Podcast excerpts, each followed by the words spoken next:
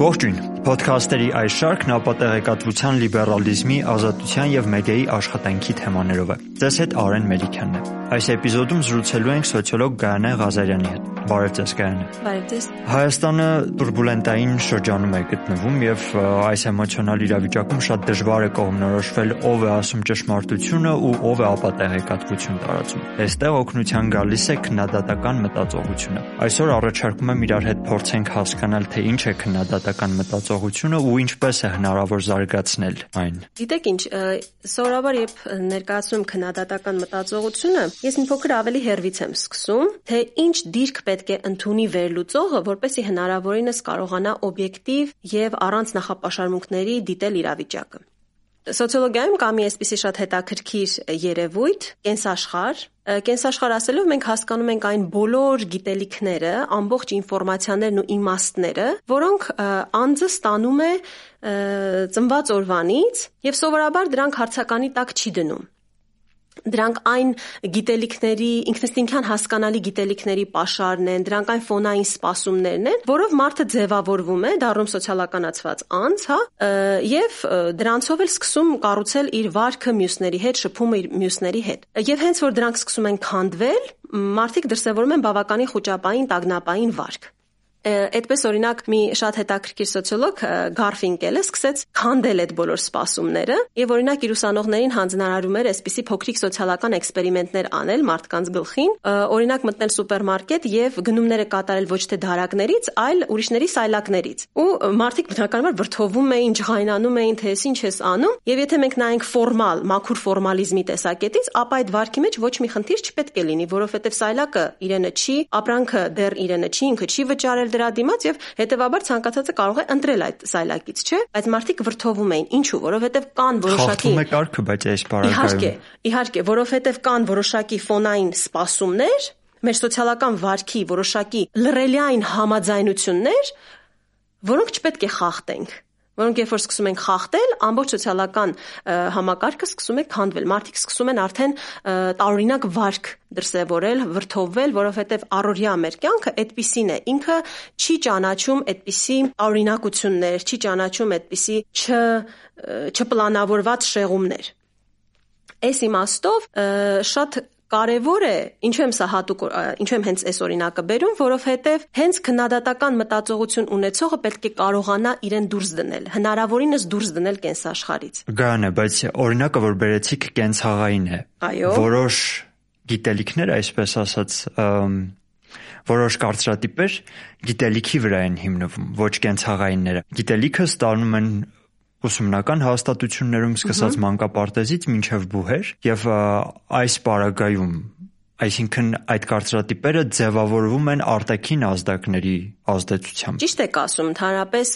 կարծրատիպերը սովորություն ունեն երբեմն հիմնվել ինչ-որ փաստերի վրա, բայց դա միշտ չէ, որ այդպես է։ Եվ այս իմաստով մեզ օգնության է գալիս մեկ ուրիշ մեթոդ, որը նույնպես քննադատական մտածողության կարևոր հիմնասյուներից է, հա։ Սոցիոլոգիայում էլի գոյություն ունի մի բնագավառ, որը կոչվում է գիտության սոցիոլոգիա։ Այս իմաստով Գիտության սոցիոլոգիան առնչվում է թե ինչ սոցիալական նախապաշարմունքներ, ինչ սոցիալական կոնտեքստներ, բոլորովին չապացուցված եւ չհիմնավորված կարծրատիպեր կարող են ազդել հենց նույն գիտության ընթացքի կամ գիտության բովանդակության վրա։ Այսինքն գիտության սոցիոլոգիան ուսումնասիրում է գիտության գիտությունը, Եվ սա, որպես երկրորդ կարգի դիտարկում, այսինքն դիտարկման դիտարկում, շատ կարևոր է, որպես քննադատական մտածողության կարևոր գործիք։ Այսինքն, ինչ եմ ինչ եմ սրանով ուզում ասել, որ ամեն մի գիտելիք չէ, որ իրականում փաստարկված եւ հիմնավոր է։ Այս իմաստով նույնպես կան բազմաթիվ հետազոտություններ եւ տեսություններ, որոնք ցույց են տալիս, որ անգամ ճշգրիտ գիտության մեջ, անգամ բնագիտական ուղություններում սոցիալական հարաբերությունները, մարդկանց զուտ նախապաշարմունքները, իրենց կարծրատիպերը կարող են ազդել բուն գիտական նյութի վրա կամ ինչ որ իմաստով խոչընդոտել օբյեկտիվ եւ ապացուցված գիտելիքի հաստատմանը որպես այդ գիտության կողմից ընդունված հարացույց, հա, որպես այդ գիտության կողմից ընդունված տեսություն։ Այսինքն այս իմաստով այդքան էլ միանշանակ չեն մարդկային ընկալման օբյեկտիվ սահմանները։ Մարդիկ բավականին սուբյեկտիվ են եւ դրանք ընդཐུպ մինչեւ ճշգրիտ գիտություններ, ընդཐུպ մինչեւ, ասենք, ֆիզիկա, քիմիա կարող են աղճատել օբյեկտիվ եւ ապացուցելի, ապացուցված նյութի ընկալումը կամ դրա հաստատումը որպես արդեն ապացուցված տեսություն, հա։ Շատ լավ։ Գիտելիքը, որ մարդն ունի, հարցադրելը հավելյալ ջանք է պահանջում։ Շատերը գուցե չեն ցանկանում այդ ջանքը գործադրել ժամանակ ծախսել դրա վրա։ Ինչը պիտի դերթի մարդուն կամ հուշի որ քննադատական մտածողությունն ամեն ամեն դեպքում անհրաժեշտություն է ու պետք է զարգացնել։ Դուք շատ ճիշտ եք նշում, այո, այս բոլորը ջանք են գործադրում, ջանք են պահանջում, որովհետև շատ դժվար է այսպիսի մոտեցումով, ասենք քննադատական մոտեցումը կիրառել 24 ժամ եւ ամեն ինչի նկատմամբ։ Հենց դրա համար էլ ի վերջո ստեղծվել են այդ պայմանականությունները, ստեղծվել են այդ մեր լրելյան համաձայնությունները իրար հետ, թե ինչպես մենք մեզ պետք է պահենք, վստահությունը իրար միջև, չէ՞ որոշակի, որ մենք ունենք բոլորի նկատմամբ, այսինքն հանգիստ դուրս են գալիս փողոց վստահ լինելով, որ մեզ ոչ ոք չի ծեծի, սա էլ է, չէ, ինչ որ իմաստով կոնսենսուս, որին մարդիկ եկել են։ Այս իմաստով իհարկե, այս բոլորը օգնում են մեզ հեշտ ապրել, որովհետև շատ դժվար կլիներ մեր բոլորի կյանքը, եթե մենք ընդཐུպ մինչև մեր ամենօրյա կյանքից, առօրյայից մինչև գիտական հարացույցներ անընդհատ ամեն ինչ հարցականի տակ դնեինք։ Բայց ամբողջ հարցը այն է, որ ներկա ժամանակներում հատկապես հաշվի առնելով մեդիա հոսքերի բազմազանությունը, առատությունը եւ անվերահսկելիությունը մեզ մենք արդեն ռիսկի ենք ենթարկվում, երբ ստացված ինֆորմացիայի նկատմամբ չենք կիրառում քննադատական մտածողությունը։ Այս իմաստով իհարկե հավելյալ ջանք գործադրելը ընդհանրապես կարող է մեզ պաշտպանել, մեզ եւ մեր շրջապատին պաշտպանել ընդཐུպ մինչեւ մեր կյանքին սպառնացող կամ մեր կյանքի որակին սպառնացող վտանգներից եւ խափեություններից, այսպես ասեմ, հա։ Այս բարագայում ապա տեղեկատվություններից նաեւ։ Այո Այո։ Ինչպես կարող են սրանք ազդել մարդու վրա, որը որ քննադատական մտածողությունն ամեն դեպքում որոշում է չօգտագործել։ Գիտեք, կախված թե Մեր որոշումները ամեն դեպքում կայացնում ենք հենց այդ տեղեկատվության հիման վրա, որ ստանում ենք ու մեր քայլերը ինչ որ չափով նաև դրանից են կախված։ Եկեք այս օրինակը բերեմ բժշկության վրա, հա, եթե մենք ունենք այսօր անվերահսկելի քանակությամբ կայքեր, որոնք գովազդում եւ հակագիտական, ապագիտական, ոչ գիտական, կեղծ գիտական նյութեր են գրում բժշկական թեմաներով, դա ուղիղ սպառնալիք է մարդու կյանքին։ Բուժման շատ տարօրինակ մեթոդներ առաջարկելով։ Իհարկե, իհարկե, որովհետեւ եթե մարդը ունի օրինակ քաղցկեղ, Եվ ինքը տևական ժամանակ ծախսում է ինչ որ սոդայաբուժության եւ այլ նմանատիպ ոչ չհերքված ինչ ասեմ, չապացուցված վնասակար բուժումներով ինքը կորցնում է այն թանկարժեք ժամանակը, որն իրեն անհրաժեշտ էր բուժվելու համար եւ հետո արդեն հնարավոր է որ մահանա։ Եվ նաեւ առողջությունը փաստացի եւ նույն իրավիճակին առերեսվեցինք համավարակի պայմաններում, որովհետեւ ելի բազմաթիվ պարտադիր չէ որ միայն առողջապահական թեմաներ լուսաբանող լրատվամիջոցներ, առհասարակ լրատվամիջոցներ, որոնք որ բավականին հեռու էին առողջապահությունից, սկսեցին տարածել տարատեսակ միֆեր, մեթոդներ այն մասին, թե ինչպես կարելի է համավարակը բուժել, ինչև տան պայմաններում թեստավորման մասին, երբ որ օրինակ ասում էին, որ շունչը պահելով հնարավոր է հասկանալ արդյոք վարակված է վարակակիր է թե ոչ։ Եվ բազմաթիվ մարդիկ իրականում կարծես թե հավատում էին մեկնաբանություններին հետևելով եւ առհասարակ առօրյա խոսակցություններին։ Այո, ցավոք սրտի նման խոսակցությունները ի վերջո անլրջություն են մտցնում նաեւ թեմայի մեջ, իսկ անլրջությունը այս պարագայում արժենում է կյանքեր։ Ընդ որում, հենց այդ մարդկանց հարազատների կ ូវ իդի դեպքում տարեց հարազատների մահվանն է հանգեցնում։ Ես կարծում եմ, որ այստեղ մենք երբ խոսում ենք մեդիա մանիպուլյացիաներից եւ անպայման քննադատական մտածողությամբ մոտենալու կարեւորությունից, մենք պետք է շեշտենք, որ դա կենսական նշանակություն կարող է ունենալ հենց այդ մարդկանց ու նրանց շրջապատի համար։ Ես կարծում եմ, որ սա կարող է ինչ-որ չափով զգոնացնել ուղակի մարդկանց։ Իսկ ինչ պետք է նրանք անեն, հա, ես ուզում եմ անպայման սա շեշտել, թե ինչպես պիտի մարդը, որը մոլորվում է այս ապատեղեկության ուղակի օվկիանոսում, ինչ պետք է նախ եւ առաջ անի Այո, խնդրեմ։ Շատ շատ կարևոր է ստուգել սկզբնաղբյուրը։ Երևի առաջին քայլը մեդիա մանիպուլյացիաներին չտրվելու սկզբնաղբյուրները ստուգելն է։ Եթե կա մի նյութ, որտեղ նշված են թեկուզ մի քանի անուններ, ապա պետք է հենց նույն ինտերնետում փորձել գտնել այդ անունները։ Շատ հաճախ ընդհանրապես մի քայլով հնարավոր է բացատրել բացահայտել ամբողջ կեղծիքը, որտեղ այդ մի անունը գտնելով, հա, օրինակի համար ժամանակին տարածվել էր ջրի հիշողության մասին մի տեսություն, շատերը շատ ողջևորված էին դրանով, կարծես ջուրը ունի հիշողություն։ այդպիսի բան կար։ Ընդհանրը հեղինակի անունը ստուգելով կարող ենք ընդհանրը ողրզել, որ նա բարձ շարլատան էր եւ նույնիսկ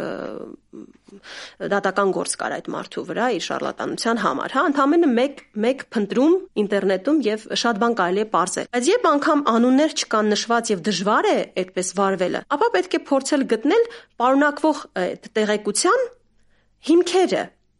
Այսինքն, ինչից ելնելով է այդ մարդը պնդում, որ օրինակ սոդայով կարելի է բուժել քաղցկեղը։ Կամ որքան վստահելի է աղբյուրը ինքնին։ Այո, կամ որքան վստահելի է հենց ինքը աղբյուրը։ Կան բավականին վստահելի, այսինքն պետք է իմանալ այդ կայքերը, օրինակ ամեն ոլորտում իրենց վստահելի ակադեմիական ընդհուպ մինչև, հա, կայքեր կամ էջեր, որտեղ կարելի է փնտրել այդ տեղեկությունը եւ ստանալ մասնագետների կարծիքը։ Եթե նյութում չկա կներեք ոչ մի անուն, ոչ մի աղբյուր, ոչ մի հետազոտություն եւ ոչ մի ապացույց, ապա այդ նյութը ինքնին արդեն իսկ անվստահելի է, որովհետեւ սովորաբար գիտական կամ ապացուցված եւ հիմնավոր նյութերը ունենում են պարտադիր աղբյուրներ, ապացույցներ, որոնք շարադրվում են այդ նյութում։ Եվ եթե աղբյուրների մասին ենք զրուցում, այստեղ կարևոր է նաև անպայման շեշտել, որ պետք է տարբերել կարծիքները փաստից։ Այո։ Եվ նույն համավարակի օրինակը բերելով, բազմաթիվ մարդիկ, որոնք իրենց ներկայացնում են որպես բժիշկներ, շարունակում էին ապատեղեկատվություն տարածել, այսինքն պետք է նաև հասկանալ, թե մտքի հեղինակը կամ հայտարարություն անողը որքանով փորձառու է, որքան փորձայ արդյոք փորձագետն է այդ դաշտի թե ոչ։ Այո, դուք շատ կարևոր կետ եք նշում, որովհետև այո, մենք նաև սոցիալական ցանցերի շնորհիվ, որոնք բերել են մի շարք դրական հետևանքներ, բայց նաև բերել են, այսպես ասած, կարծիքի տիրապետության։ Այսինքն մեզ մեզ բացատրել են եւ համոզել են, որ յուրաքանչյուրը իրավունք ունի ամեն ինչի մասին ունենալ կարծիք, բայց դա այդքան էլ այդպես չէ։ Ես որպես սոցիոլոգ իրավունք չունեմ ունենալ կարծիք գravitացիայի մասին։ Սա իմ մասնագիտական ոլորտը չէ։ Եվ այո, կան բաներ, որոնց մասին իհարկե կարծիք ունենալ, բայց պարտադիր չէ հանրայնացնել։ Բայց դա հանրայնացման ենթակա չէ։ Իհարկե, եւ դա չի կարող համարվել մասնագիտական կարծիք։ Իհարկե, եւ այո, կան թեմաներ, որոնց մասին կարելի է ունենալ կարծիք, օրինակ, չգիտեմ, վարագույրի գույնի մասին կարծիք կամ շենքի ճարտարապետական տեսքի մասին զուտ ունենալ սուբյեկտիվ կարծիք, ինչքանով մեզ դուր է գալիս կամ ինչքանով մեր աչքին հաճելի է թե ոչ, բայց կան թեմաներ, որոնց մասին չի կարելի ունենալ պարզապես կարծիք, որտեղ դրա վերաբերյալ պետք է լինի պարզապես փաստարկված, ապացուցված նյութ, որը կմատուցվի այո փորձառու եւ ընդունված հանրույթի տվյալ մասնագիտության գիտական հանրույթի կողմից։ Եվ այս բոլոր առիթներն օգտագործելով ներառյալ համավարակը, ինչպես նաև պատերազմը, որոնք որ բավականին էմոցիոնալ են դարձնում մարդկանց, փորձելով խաղալ այս զգացմունքների վրա,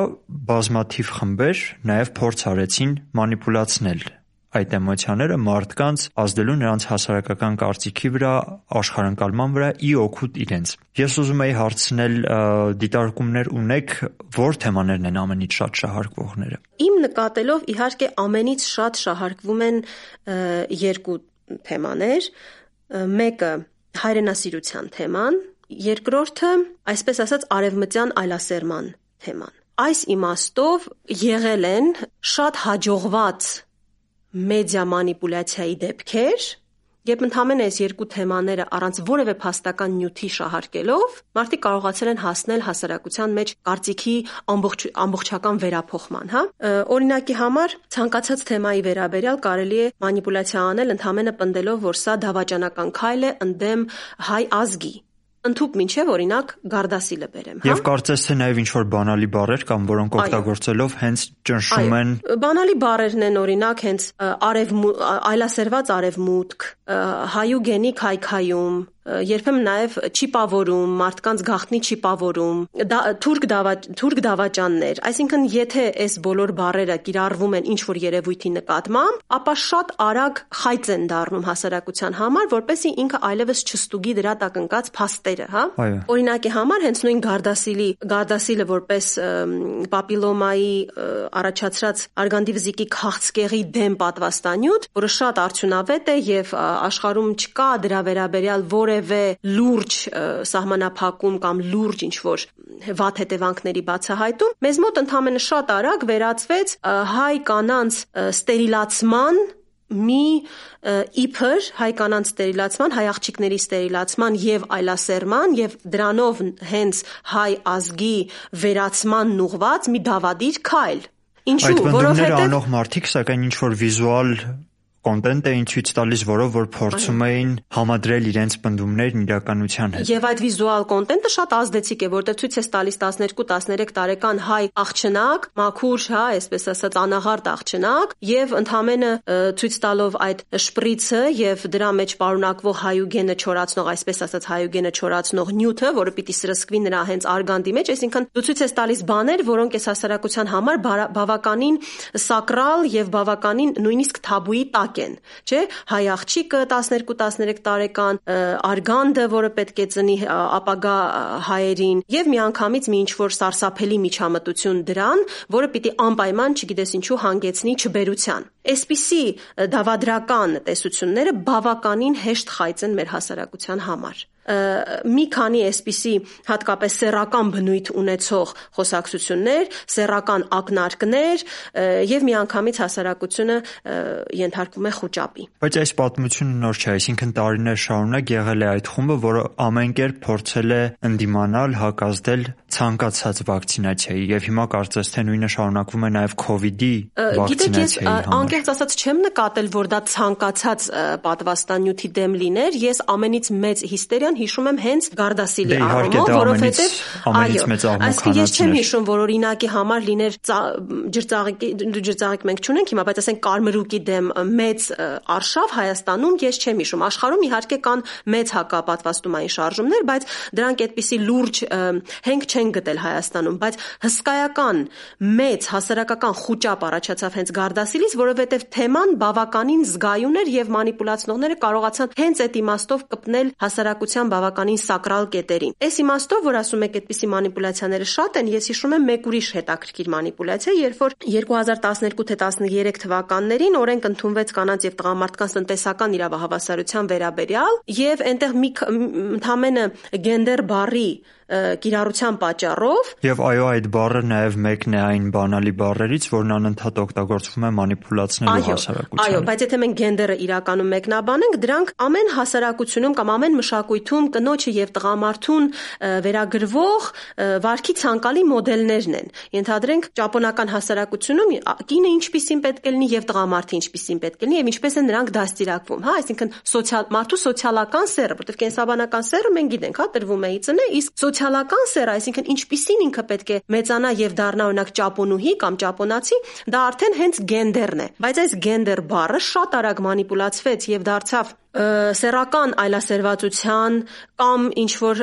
տարբեր սեռական այլ կողմնորոշում ունեցող մարդկանց հոմանիշ Եվ հենց այս հիմքով էլ սկսեց քննադատվել տվյալ օրենքը, որը էլ եմ ասում, թամենը տնտեսական իրավահավասարության վերաբերյալ էր։ Եվ փաստացի շարունակվում է մինչ այժմ կոնկրետ Ստամբուլյան կոնվենցիայի ընդունման Այո։ Համատեքստում։ Այո, ընդ որում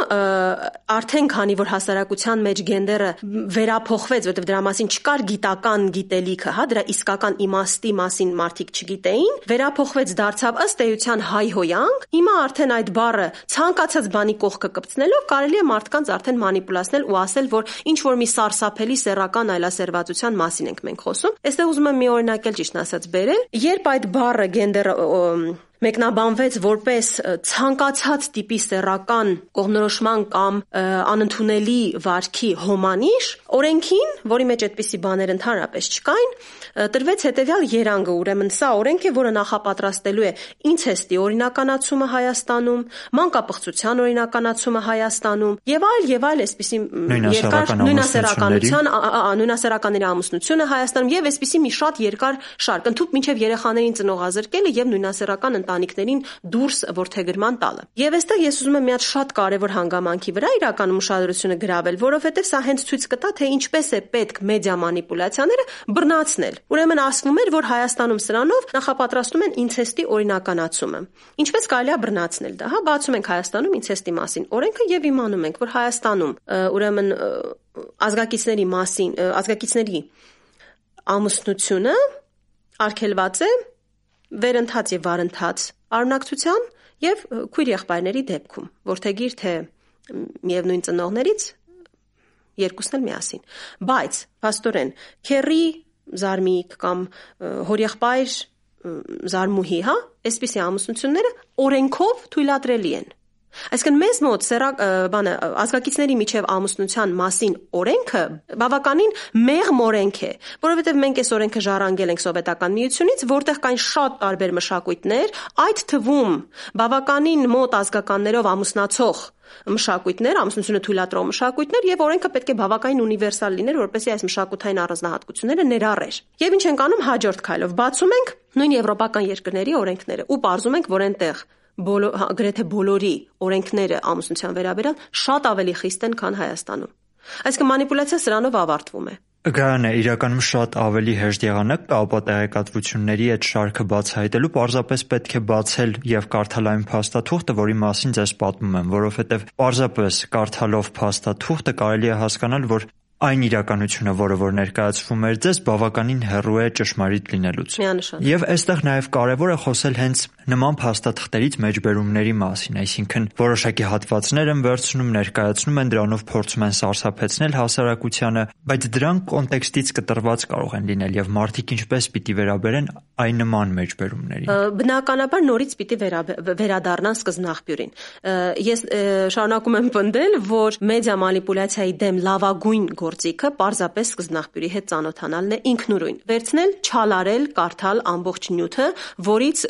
ծաղկակախ արված եւ մանիպուլյացիոն համատեքստում դրված մատուցվում է տվյալ նյութը։ Ինչպես նաև շատ կարևոր է փորձել առանց էմոցիաների նայել տվյալ նյութին։ Նույնիսկ եթե այնտեղ կիրառվում են որոշակի բանալի բառեր, որոնք հաշվարկված են ազդելու մարդու հոգեկան աշխարհի վրա, կամ տագնապ մտցնելու մարդու մեջ, մարդը պետք է ուղակի իր, իր մեջ ուժ գտնի անտեսելու տվյալ բարերը եւ նայելու ընդհանրը 4 նյութին որտեվ հենց հանում ենք այդպիսի էմոցիոնալ բարերը, ասենք, չգիտեմ, այլասերում, դավաճան, թուրք եւ այլն, որոնք սովորաբար այդպիսի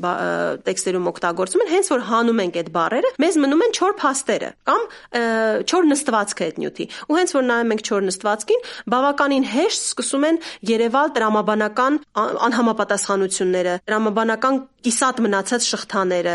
այսպես ասած ֆրագմենտար ֆրագմենտները, որոնք փորձ են արվել ուղակի զորով կպցնել հասնել իրար։ Այդ դեպքում միանգամից երևում է։ Բացի դրանից կան մի քանի հարցեր, որոնք որ կարելի է տալ ցանկացած տեքստ կարդալիս, այսինքն ով է դրա հեղինակը, ինչ նպատակով է հրապարակված այստեղ, ինչ նպատակով է հենց հիմա գրվել եւ հրապարակվել, ինչ են սրանով ցանկանում, որպիսի ես իմանամ։ Միգուցե մի քանի հարցեր դուք ավելացնեք, այսինքն տեքստը կարդալիս քննադատող մարդը ինչ հարցեր պիտի տա ինքն իրեն ու տեքստը գրողին։ Բնականաբար, ինչու այստեղ հիմա եւ հենց այս մարդու կողմից Բնականաբար այս հարցերը ամենակարևորն են, որը մարդը իրեն պետք է տա, parzapes ես այդքան էլ վստահ չեմ, որ դա որ դրանք շատ հեշտ հարցեր են։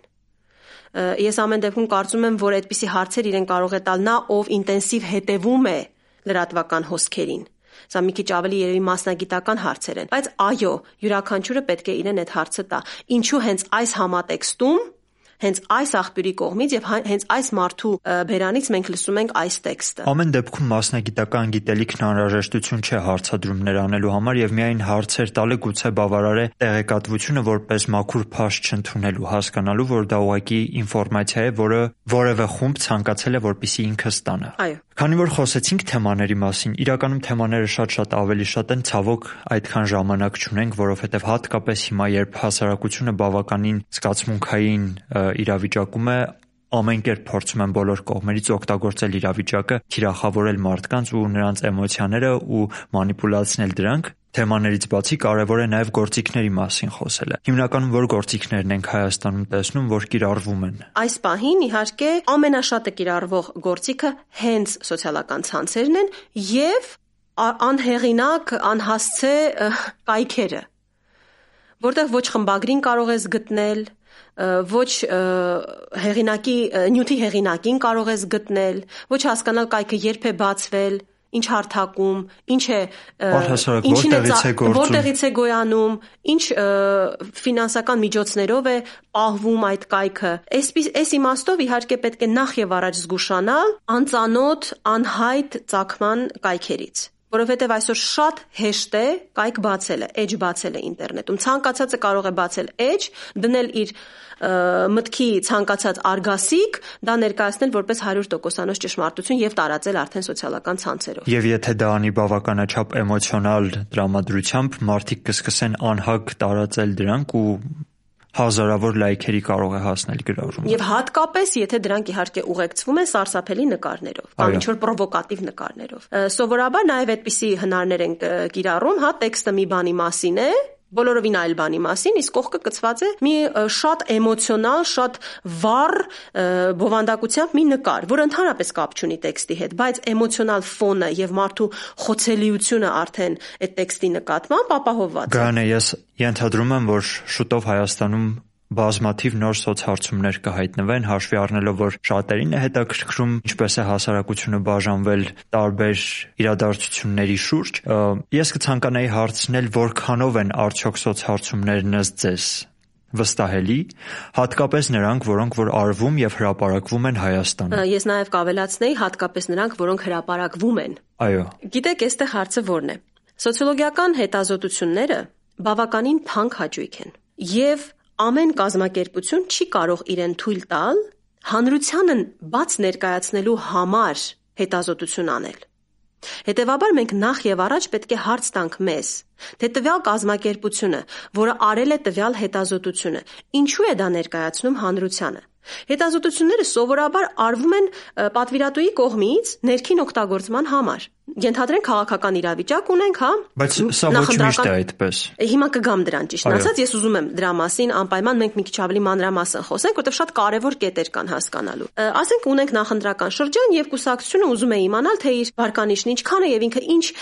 փոփոխություն մտցնի իր քարոզարշավում, որպեսզի ավելի լավ կարողանա համոզել մարդկանց, հա։ Բնականաբար այդ հետազոտությունը ինքը չի կարող շահագրգռված լինել ներկայացնել հանրությանը, որովհետեւ այդ հետազոտությունից կօգտվի նաեւ մրցակից կուսակցությունը, ճիշտ է։ Նշանակում է հետազոտությունը, որը պատվիրվում է,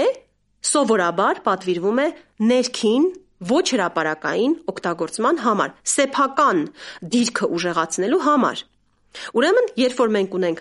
հրաապարակային ներկայացված հետազոտություն, մենք պետք է մեզ հարց տանք.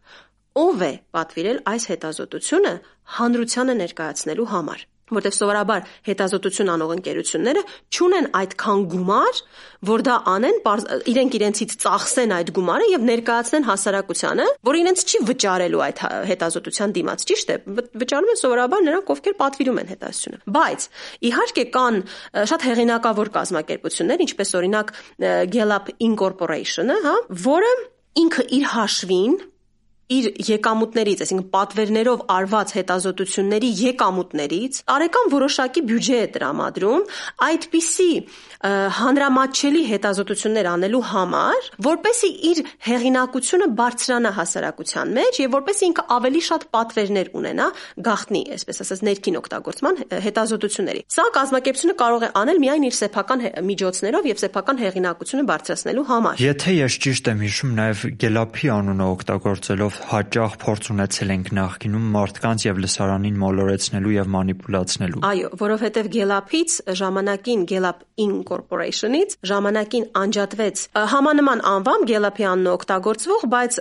բոլորովին այլ կազմակերպություն, որը աշխարհում ստեղծեց ցանց, որի անդամ կարող են դառնալ տեղական կազմակերպությունները։ Եվ այդպես մենք ունենք իհարկե Հայաստանում մի կազմակերպություն, որը հանդիսանում է այդ ոչ իսկական Gallup-ի ցանցի ներկայացուցիչ եւ որը սովորաբար Gallup-ի անունը շահարկելով մեզ ներկայացնում է տարբեր հետազոտությունները տարբեր հետազոտություններ։ Մինչդեռ այդ առանձնացված կազմակերպությունը դատ, դատական կարգով պարտվել է եւ պարտադրվել է անպայման իր բոլոր հետազոտությունների ներքո նշել, որ սա այն հայտնի Գելափի հետազոտությունը չէ։ Շատ լավ, մի հարց էլ իսկ արդյոք նշանակում է, որ եթե պատվիրատուն, եթե սոցհարցումն ունի պատվիրատու,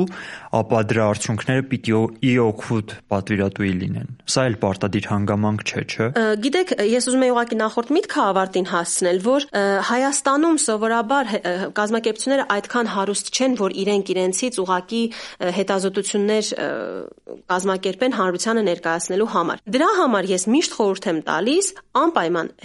եւ լրագրողներին էլ խորհուրդ եմ տալիս այդ հարցը տալ հետազոտությունը ներկայացնողին, թե ով է հետազոտության ֆինանսավորողը եւ ինչու է ֆինանսավորել հետազոտություն հանրությանը ներկայացնելու համար։ Եթե այդպիսի բան է տեղի ունենում, սովորաբար դա արվում է հանրությանը կողմնորոշելու նպատակով եւ այո, մեծամասամբ դրա տվյալները իրական չեն։ Եվ մյուս կողմից էլ մարդիկ սիրում են թվեր։ Այո, եւ հենց դա էլ շահարկում են, որ մարդկանց հա- վրա թվերը բավականին լուրջ տպավորություն են թողնում, քանի որ մենք ամեն դեպքում ունենք այդպիսի կարծրատիպ, որ ամեն ինչ ինչը թվային է ներկայացված, հա, ուրեմն անպայման պետք է լինի շատ վստահելի, բայց դա այդպես չէ։ Համենայն դեպս սոցիոլոգիական հետազոտությունների խոհանոցին տիրապետելով կարող եմ ասել, որ թվեր մանիպուլացնելը այդքան էլ բարդ գործ չէ։ Շատ լավ, Գայանե, շնորհակալ եմ շատ հետաքրքիր քննարկման համար։ Սոցիոլոգ Գայանե Ղազարյանի հետ զրուցեցինք քննադատական մտածողության եւ մեդիա մանիպուլյացիաների մասին։ Ոդքասթերի այս շարքն իրականացնում է Digital Communication Network-ի կողմից Ֆրիդրիխ Նաումանի անվան հանուն ազատության հիմնադրամի հայաստանյան մասնաճյուղի աջակցությամբ։ Հերարցակման բացառիկ իրավունքն ազատություն ռադիոկայանինն է։ Ձեզ հետ Արեն Մելիքյանն էր, զրույցի ընթացքում հնչած կարծիքները բացառապես զրուցակիցներինն են եւ կարող են չհամընկնել նախագծի կազմակերպիչների կարծիքների հետ։